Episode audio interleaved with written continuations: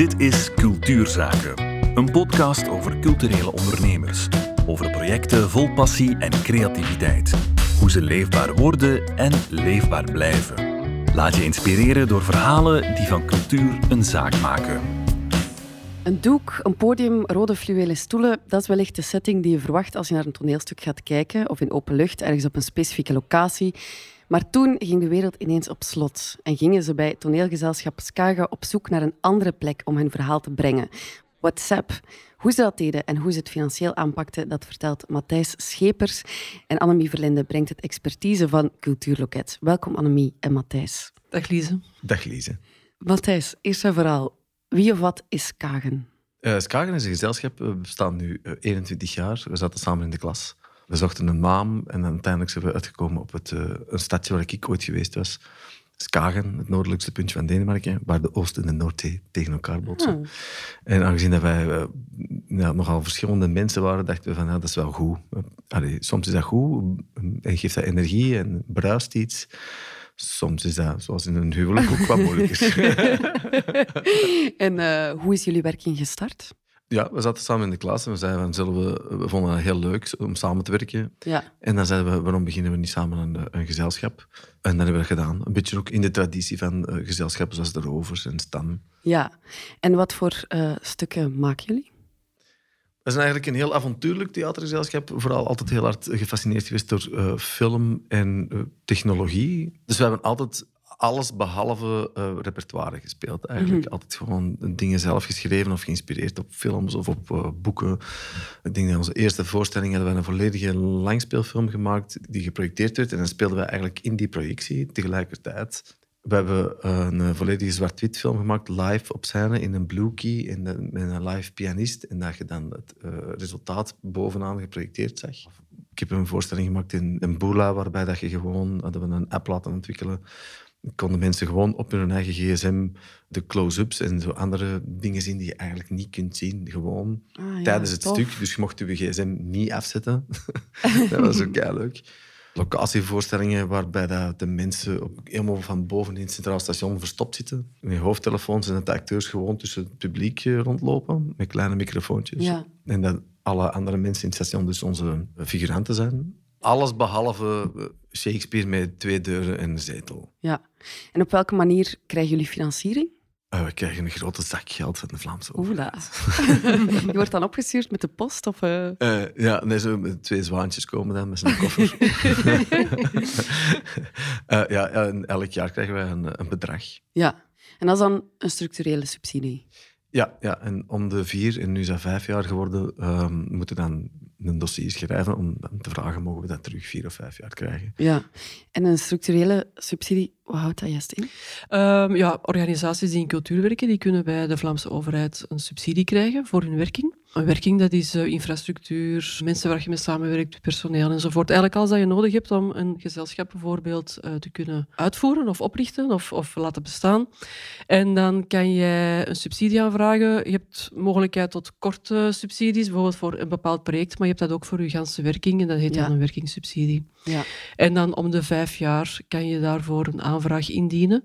En dan wordt er u een bedrag toegekend en dan krijg je elk jaar een vijfde van dat bedrag waarmee dat je van, ah ja, aan de slag kan gaan. Ja, maar ja, uiteindelijk kwam, kwam ineens corona. En uh, dan dachten jullie misschien van, we zijn gejost, we moeten dat hier anders aanpakken. Nee, we dachten helemaal niks. niemand zei iets, niemand uh, moefde eigenlijk. Um, ik lag op een zondagavond in mijn bed, ik weet het echt nog supergoed. En ik dacht, als er een gat is, dan moeten we er kunnen inspringen. En ik heb eigenlijk alle projecten die ik bedenk, hebben altijd iets met een soort van voyeurisme te maken. In het Centraal Station, als je zo van boven naar beneden zit te kijken, dan is dat een beetje gluren naar, naar Ja. de mens. Eigenlijk wat iedereen leuk vindt. Dus ik dacht, wat zou ik leuk vinden en wat kunnen we nu doen? Uh, en ik dacht, ik zou het wel leuk vinden om zo stiekem in een WhatsApp-groepje te kunnen binnenkijken. Ja. Ook omdat dat je verbeelding heel hard op gang zit. Mhm. En uiteindelijk is een van de belangrijkste elementen van theater is, is uh, verbeelding. En ik had dan het geluk dat ik al 15 jaar lang een boek had liggen. Emmy en Leo. En dat is een e-mailverkeer tussen twee mensen die per ongeluk met elkaar in contact komen. Dus hij wil daar abonnement op zeggen en komt per ongeluk bij Leo terecht. En die beginnen dan met elkaar te babbelen. Ja. Worden verliefd op elkaar. Onmogelijke liefde, want zij is getrouwd en heeft kinderen. Maar een, een mega goed verhaal, maar echt een bestseller is wereldwijd. En ik dacht, alright, het enige wat we nu nog moeten fixen is dat je zo geautomatiseerd berichtjes kunt sturen naar een WhatsApp-groepje. Ja. En dan hebben we eigenlijk een show. Dus ik had zo'n software gevonden waarbij dat je geautomatiseerd berichtjes kunt sturen via WhatsApp. Hmm. En dan is de bal aan het rollen gegaan. En hebben wij op een maand tijd hebben wij die boek, helemaal boek van 200 pagina's, naar een WhatsApp-conversatie gebracht. We hebben een eh, technisch digitaal bureau gevonden in Eindhoven, OO. Die hebben dan voor ons een soort van hack gemaakt. Want hetgeen dat wij aan het doen waren, zo met twee laptops en dan zo berichtjes programmeren, dat was nog net iets te amateuristisch. Al goed dat we dat niet gedaan hebben. Die konden dat dan echt wel alleen net iets professioneler, geautomatiseerd doen. En dat is op een maand tijd promo gevoerd. En 6 mei was de eerste eh, voorstelling. Oké. En dan waren er 1800 mensen of zoiets die een ticket hadden gekocht voor 12,5 euro. En dan is dat elke week begon dat opnieuw, want dat was helemaal gekoppeld aan die dagen en weet ik veel wat. Ik had ook de fout gemaakt van dat heel hard in het nu te zitten. En die coronaregels veranderden echt elke week. Ah, nee. Dus dat je dan een foutje maakte, dan moest je dat dan corrigeren. Maar dat is heel moeilijk, want die lopen allemaal over elkaar. Dus week 1 is de ene begonnen, week 2 is de tweede begonnen. Maar een show duurt drie weken, dus die lopen tegelijkertijd. Dus als ik hier iets verander, dan mag ik dat daar nog niet doen. En enfin, dat was echt gigantische stress, maar, maar ook wel heel leuk. Want we hebben toen 7000 tickets of zoiets verkocht. Ah, oef.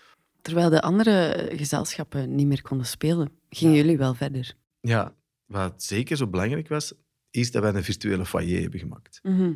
Dat betekent dat alle mensen die op hetzelfde moment begonnen, die konden naar dezelfde Facebookgroep gaan. Ah ja. En daar babbelen die. Ik dacht van ja, dan kunnen daar zo babbelen. Op papier klinkt dat altijd goed, in de realiteit marcheert dat nooit, vind ik. Dat marcheerde supergoed. Dat is Echt. eigenlijk de foyer waar je voor een voorstelling Ja, een maar pint dus- gaat drinken. Maar En... omdat die show drie weken duurt, is dat tijdens de show dat mensen babbelen. Ah, ja. Dus die doen echt zo, echt, what the fuck, jongen. Die Emmy, die was een kei toffe, nu is ze echt een truut. Wat is deze? Mensen die echt zo met elkaar, dat is niet waar, ik vind dat niet. En, en, en, en beginnen babbelen en doen, maar echt over dat stuk. En die kennen elkaar? Of... Nee. Nee. Dat is het supercoole.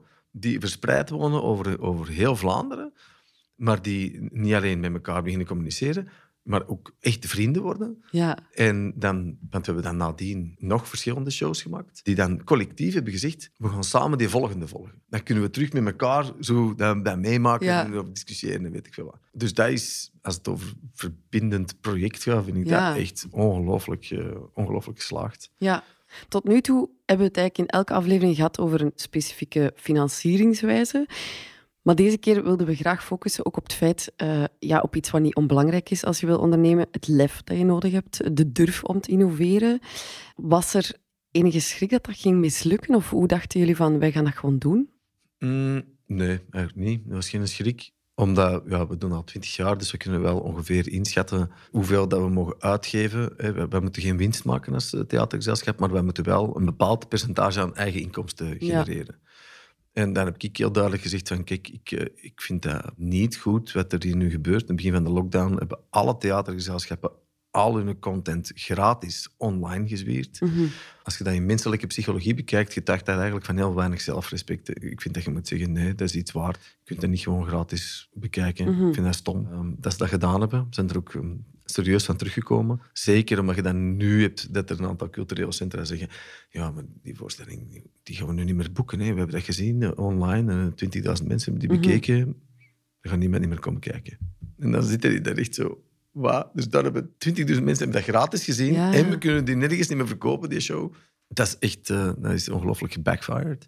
Ik denk dat als je mensen voor iets laat betalen, dat dat niet alleen vanuit hun zelfrespect is en vanuit iets, kijk, we hebben iets gemaakt, dan is het dat waard. Maar dan gaan mensen er ook echt fundamenteel anders mee om. Mhm. Vergelijk het met een trouwfeest waar je gratis bier geeft. Ik, bedoel, ik doe dat ook. Drink die pint nooit leeg. dus, dus halverwege denk ik, ik vind de temperatuur echt niet meer perfect. Mag ik nog een pintje alsjeblieft? En dan Ja. je, je gaat er heel slordig mee om met dingen die je gratis krijgt. Ja. We zijn op primetime op VRT-nieuws geweest en primetime op VTM-nieuws geweest. Dus dat is onbetaalbare reclame, Ja. zeker toen. De, soaps waren stilgevallen. Wij waren het enige cultuurnieuws dat er was. dus op een zondagavond belde een vriend van mij na dat nieuwsuitzending op, op VTM van ja, ik probeer een ticket te bestellen, maar er zijn 300 wachtenden voor mij. Ik denk dat er echt nog nooit een theaterproductie is geweest waar je tickets wilt kopen dat er 300 wachtende voor u zijn om een ticket te kopen. Dus dat was wel, ja, dat is wel cool. Maar hoe komt dat dat jullie dan het enige theatergezelschap zijn geweest die daar in dat gat zijn gesprongen en anderen niet? Heb je daar een reden voor? Veel mensen die ik ken zijn niet bij de pakken blijven zitten. Sommige Mhm. mensen zijn hard beginnen huilen. Ja, dat kan. Mijn maten van Marta Tentatief, die de carousel eh, bedacht en beginnen timmeren en doen. En, en, en in overleg gaan met de stad. Oké, op welke manier kunnen we dan wel coronaproof iets Ja. doen? Dat ding staat er, dat is fantastisch, dat is supercool. Dus eh, we zijn zeker niet de enige die iets gedaan hebben. We hebben natuurlijk wel het grote voordeel dat we dan dat geld hebben. Ja, Er is een grote productie daardoor weggevallen. En ik had een goed alternatief dat niet te duur was om te maken. Omdat ik heb dag en nacht gewerkt, Cornel heeft dag en nacht gewerkt. We hebben de digitale agency moeten betalen. En de figuranten en de rechter op dat stuk. Allee, grosso modo, dat was het, dat eerste ding. Dus dan, dan valt dat wel mee. En ja, het is wel, je kunt iets proberen.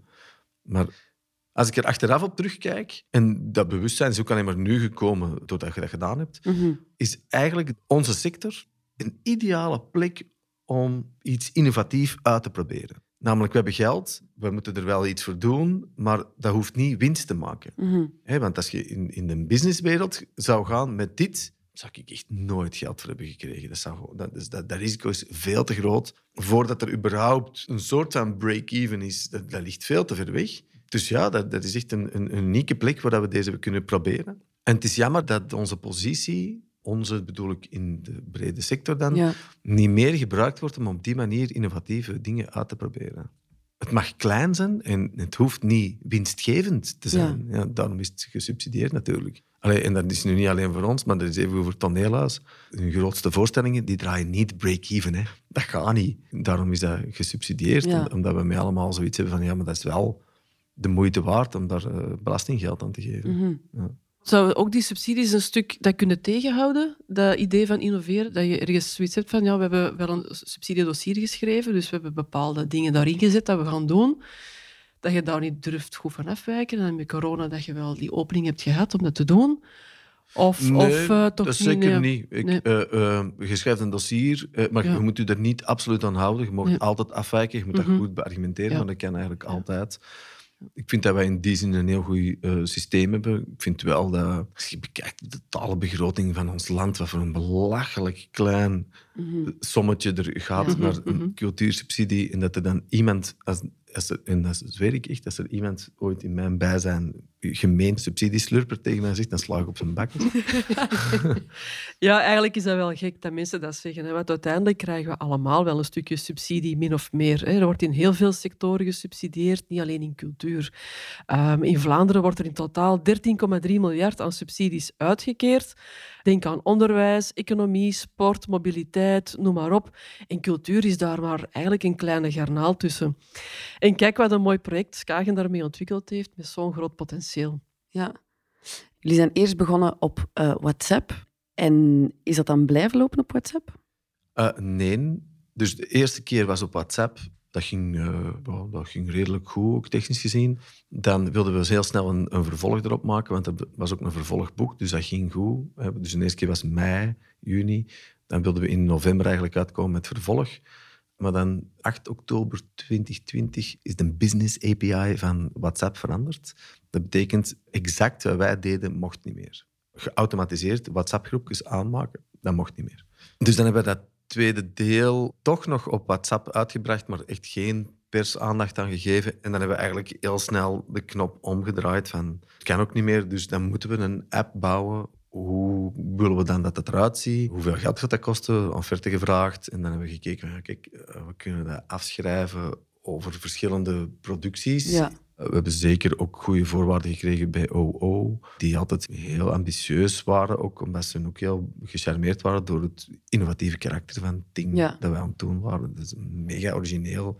Maar op dit moment is er in de wereld niemand die dat doet eigenlijk. Dat is gek eigenlijk, dat er nog niet Ja, dus geen dan mensen daarop zijn gesprongen. Ja.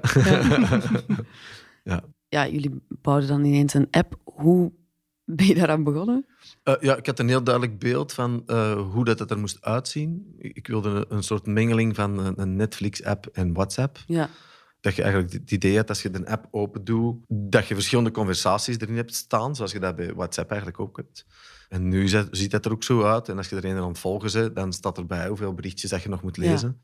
Maar je moet elke keer zo op de knop van onder duwen. Zoals bij een e-reader is dat ook. En dat, ja, mensen klikken gewoon graag. Ah, Er komt een beetje dopamine vrij elke keer als je, als je, als je tikt. voor die verrassing. Ja, je weet niet wat er gaat komen. En je doet zelf ook iets. Het is, het is zoals met dierenexperimenten. Ergens op duwen en er komt dan eten. Dat is een beetje dat. Een beetje. Pavlov. ja. Maar jullie hebben niet alleen een eigen app, maar jullie hebben ook een eigen eh, betaalplatform ontwikkeld. Dat is waar. Ja, kon niet op. ja, ja en een, en een hele back-office ook. En een eigen kassasysteem, om het zo te zeggen. Hè. Ja. En waarom? Omdat het anders eh, omslachtig was, niet zo goed werkte. En dat drong zich eigenlijk op. In heel dat verhaal hebben wij ook een hele goede samenwerking met alle theaters gehad, die ook veel tickets voor ons hebben verkocht. Mm. En dus dat, daar hebben we een deel theaterpubliek meegetrokken, maar we hebben een heel groot deel publiek dat nooit naar toneel gaat aangetrokken. Als we dat niet hadden gedaan, dan had dat via iemand- iemand anders een betaalplatform gegaan. En dan, dat is gewoon administratief gezien echt een hele grote rommel. Maar zeker ook met oog op de toekomst is het de bedoeling dat we dit gaan blijven doen. Dat we van die WhatsApp-voorstellingen gaan blijven maken. En dan, ja, dan moeten we dat gewoon hebben. Ja. De kostenbaten viel eigenlijk goed mee. Dat is heel on-Vlaams om zo'n dingen te zeggen. Maar ik vind bijvoorbeeld ook... Je kunt op twee manieren werken. Ofwel doe je marktonderzoek en kijkt je wat de mensen graag hebben. Mhm. Ofwel doe je zoals Steve Jobs en zeg.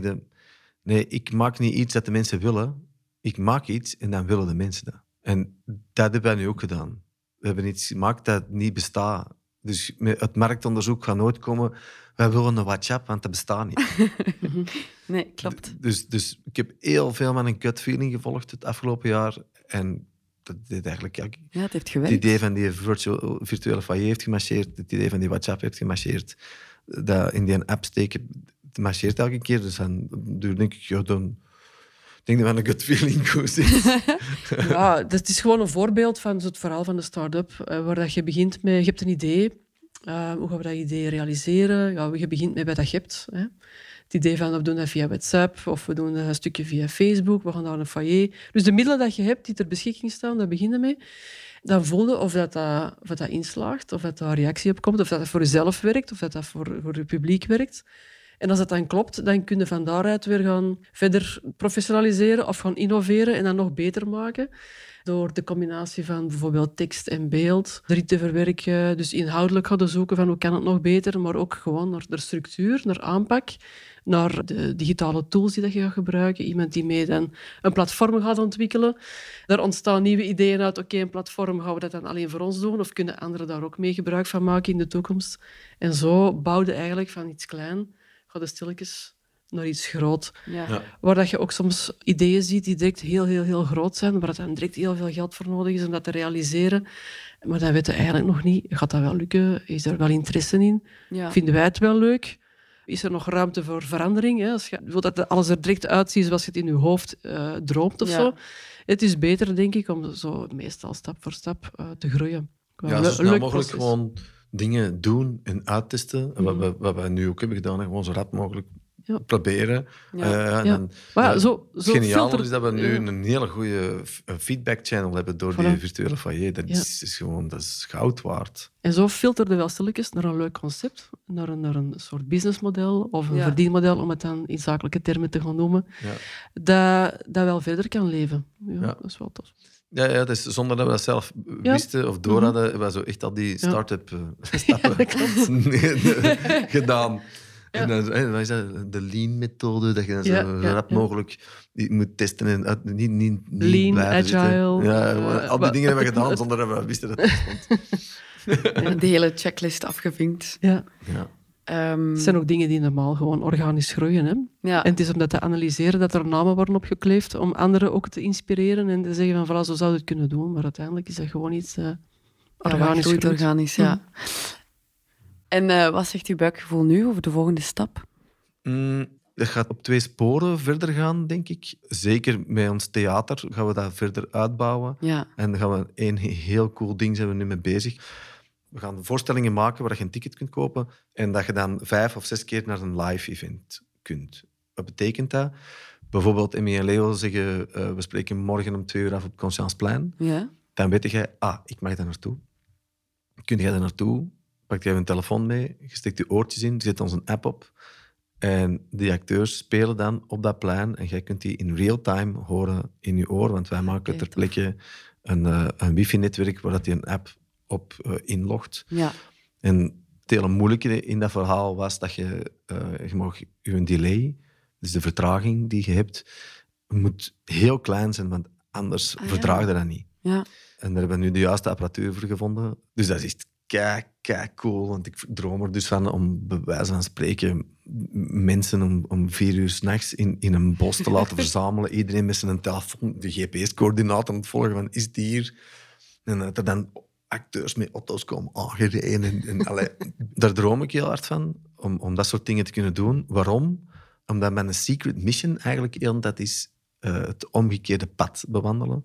Ik vind dat eh, theater een stervende diersoort is of zoiets. Hmm. Namelijk dat als je, als je in de zaal zit en je kijkt wie dat er in de zaal zit, dan zijn dat meestal zeker 40-plussers of 50-plussers. Heel veel witte mensen, maar zeker zeer weinig gekleurde mensen en nog veel minder jonge mensen. En ofwel kunnen er alles aan doen om die mensen in de zaal te krijgen, ofwel laten die eerst ontdekken hoe cool toneel kan zijn zonder dat ze weten dat het toneel is. Ja. En ja. dat is hetgeen dat wij eigenlijk gaan doen. En eh, ja, kunnen andere theaterhuizen daar op een duur misschien ook gebruik van maken? Of... Ja, ja, zeker. Dat is absoluut de bedoeling. Eh, Literatuur Vlaanderen heeft dat al gedaan. Ah ja, oké. Dus die, dat waren de eerste. Dat was kei fijn dat we dat direct zo konden duidelijk maken. Want dat is een platform dat niet voor ons is, dat is voor iedereen. Lise Spit heeft een, samen met Thomas Gunzig, Mhm. de bekendste Waalse schrijver in Wallonië. In Vlaanderen is hij zelfs niet vertaald. Dat is echt ongelooflijk. Die hebben dan samen een WhatsApp geschreven. Een hele leuke. Echt supergoed. Eh, Dat is maar één keer dat je dat erop kon inschrijven. En dan waren er 3000 mensen of zo die, Ja. die erop hebben inges- ingeschreven. En omdat dat zo'n succes was, hebben we dan in overleg met hun dat nu ook gewoon ter beschikking gesteld in een app, zodanig dat je die ook altijd een ticketje voor kunt kopen. Want alles is nog altijd beschikbaar, permanent, in, de, in een app nu. Ja. Ja. Ik ga alleszins een ticket kopen. Matthijs, dik merci eh, om langs te komen. Annemie ook. Merci voor dit. Alright, graag gedaan. Bedankt voor het luisteren naar deze aflevering van Cultuurzaken. Op zoek naar inspiratie of advies voor jouw project? Check onze website cultuurloket.be en ontdek een schat aan informatie in onze kennisbank via opleidingen of neem er persoonlijk contact op met een van onze consulenten. Abonneren op deze podcast doe je gratis via jouw favoriete podcast-app. Zo hoef je geen enkele aflevering te missen. Tot snel.